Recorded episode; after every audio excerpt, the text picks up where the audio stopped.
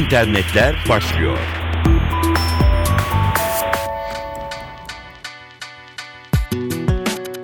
Dijital dünyanın gelişmelerini aktaracağız. Mikrofonda Dilara Eldaş.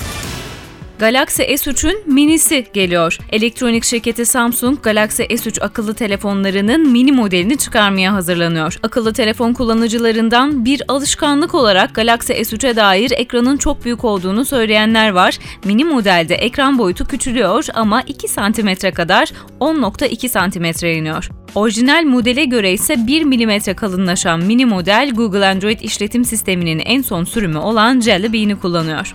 Yapılan değişiklikle Apple'ın iPhone 5 ile aynı ekran ölçülerine getirilen mini modelin arkasında 5 megapiksellik bir kamera ve ön tarafında da daha düşük nitelikli bir kamera bulunuyor. Orijinal modeldeki daha ucuz iletişim imkanı veren NFC adı verilen yakın alan iletişimi çipi gibi önemli özellikler de mini modelde mevcut.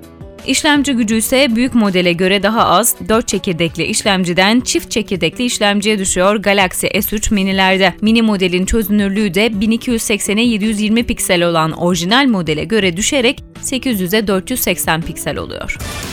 Finans sektörü siber saldırıyla nasıl baş ediyor? Finansman ve kurumsal risk alanlarında dünyanın ünlü firmalarından Deloitte, 2012 küresel finans hizmetlerinde güvenlik raporunu yayınladı. Rapor, finans sektöründe dijital bilgi güvenliğinin önemini ortaya koyuyor. 250'ye aşkın finans şirketiyle yapılan yüz yüze görüşmelerden elde edilen sonuçlar 39 ülkeyi kapsıyor. Buna göre 2011'de dünyadaki bankaların dörtte biri güvenliksizdi.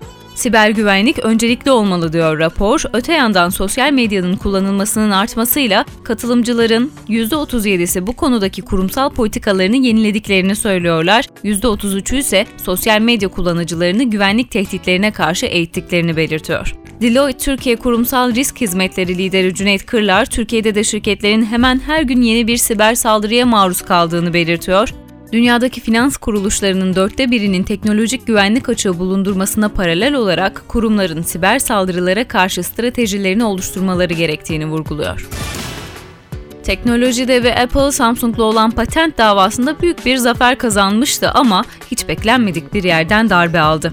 İsviçreli bir şirkete ait 70 yıllık saat tasarımını iPhone 5'te izinsiz kullandığı ortaya çıkınca Apple telif ücreti ödemek zorunda kaldı. Saat deyip geçmeyin. Apple'ın iPhone 5 ve iPad'lerde de kullandığı saat tasarımı İsviçreli demiryolu operatör şirketi SBB'ye ait iPhone 5'lerde aynı tasarımlı saatlerin yer aldığını fark eden şirket, geçen ay Apple'la uzlaşmayı başaramazlarsa yasal işlem başlatacaklarını duyurmuştu.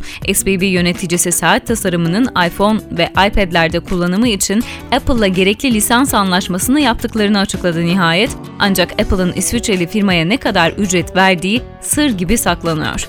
SBB bu zaferini saatin ikonik tasarımının dijital çağda bile etkisini yitirmemesi olarak değerlendiriyor. Zira saat 1944'te Zürih doğumlu mühendis Hans Hilfiger tarafından tasarlanmıştı. Hilfiger'in saati İsviçre'deki tren istasyonlarında kullanılıyor. G2'yu bu kez kaynak olarak göstererek başka bir veriyi aktaralım, internetten yapılan alışveriş üzerine. G2 yöneticisi Pietro Leone, internet kullanıcılarının %90'ının internet üzerinden alışveriş yaptığı verisinin tamamen yanlış olduğunu savunuyor. Avrupalıların internetle olan ilişkisini inceleyen raporlarında %90'lık potansiyel müşterilerinin neden alışveriş yapmadığı sorusuna cevap aranmış. Buna göre 3 farklı kullanıcı tipine ayrılıyoruz. Dijital teknolojileri tamamen reddeden ama internette gezinen analoglar, dijital teknolojilere geçiş aşamasında olan göçmenler ve dijital teknolojiyi aktif olarak kullanan fanatikler. Örneğin ünlü alışveriş sitesi Amazon.com ne yaparsa yapsın analogları kendine çekemiyor. Bu da pazardaki elektronik ticaret siteleri için hedef belirlemede de aslında büyük bir etken oluyor. Avrupa'da her iki kişiden biri interneti aktif bir şekilde kullanıyor ancak halen öğrenme süreçleri devam ediyor. E-ticaret sitelerinin güvenliği, istedikleri hizmeti alamamaları ve bunun yerine internetten baktıkları ürünü almak için mağazaları tercih etmeleri en genel nedenler. Twitter biyografilerinde en çok kullanılan kelimeler. Kim olduğumuzu, işimizi, belki özel zevklerimizi yazıyoruz Twitter'da biyografi bölümüne. Hatta nerede çalıştığımızı belirtiyorsak bazen şöyle bir notta düşüyoruz. Tweetlerim sadece beni bağlar.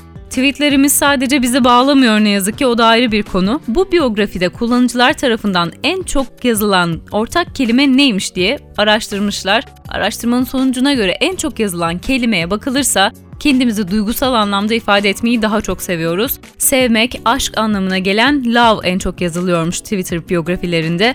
Çocuğumu, eşimi seviyorum, elmalı turta, çikolata severim gibi. Sosyal medya taraması yapan araştırma platformu BeLove'a ait bir analiz bu. Bunun dışında biyografilerde en çok kullanılan kelimeler hayat, müzik ve sen. Dijital dünyanın öne çıkan gelişmelerini aktardık. Tekrar görüşmek üzere.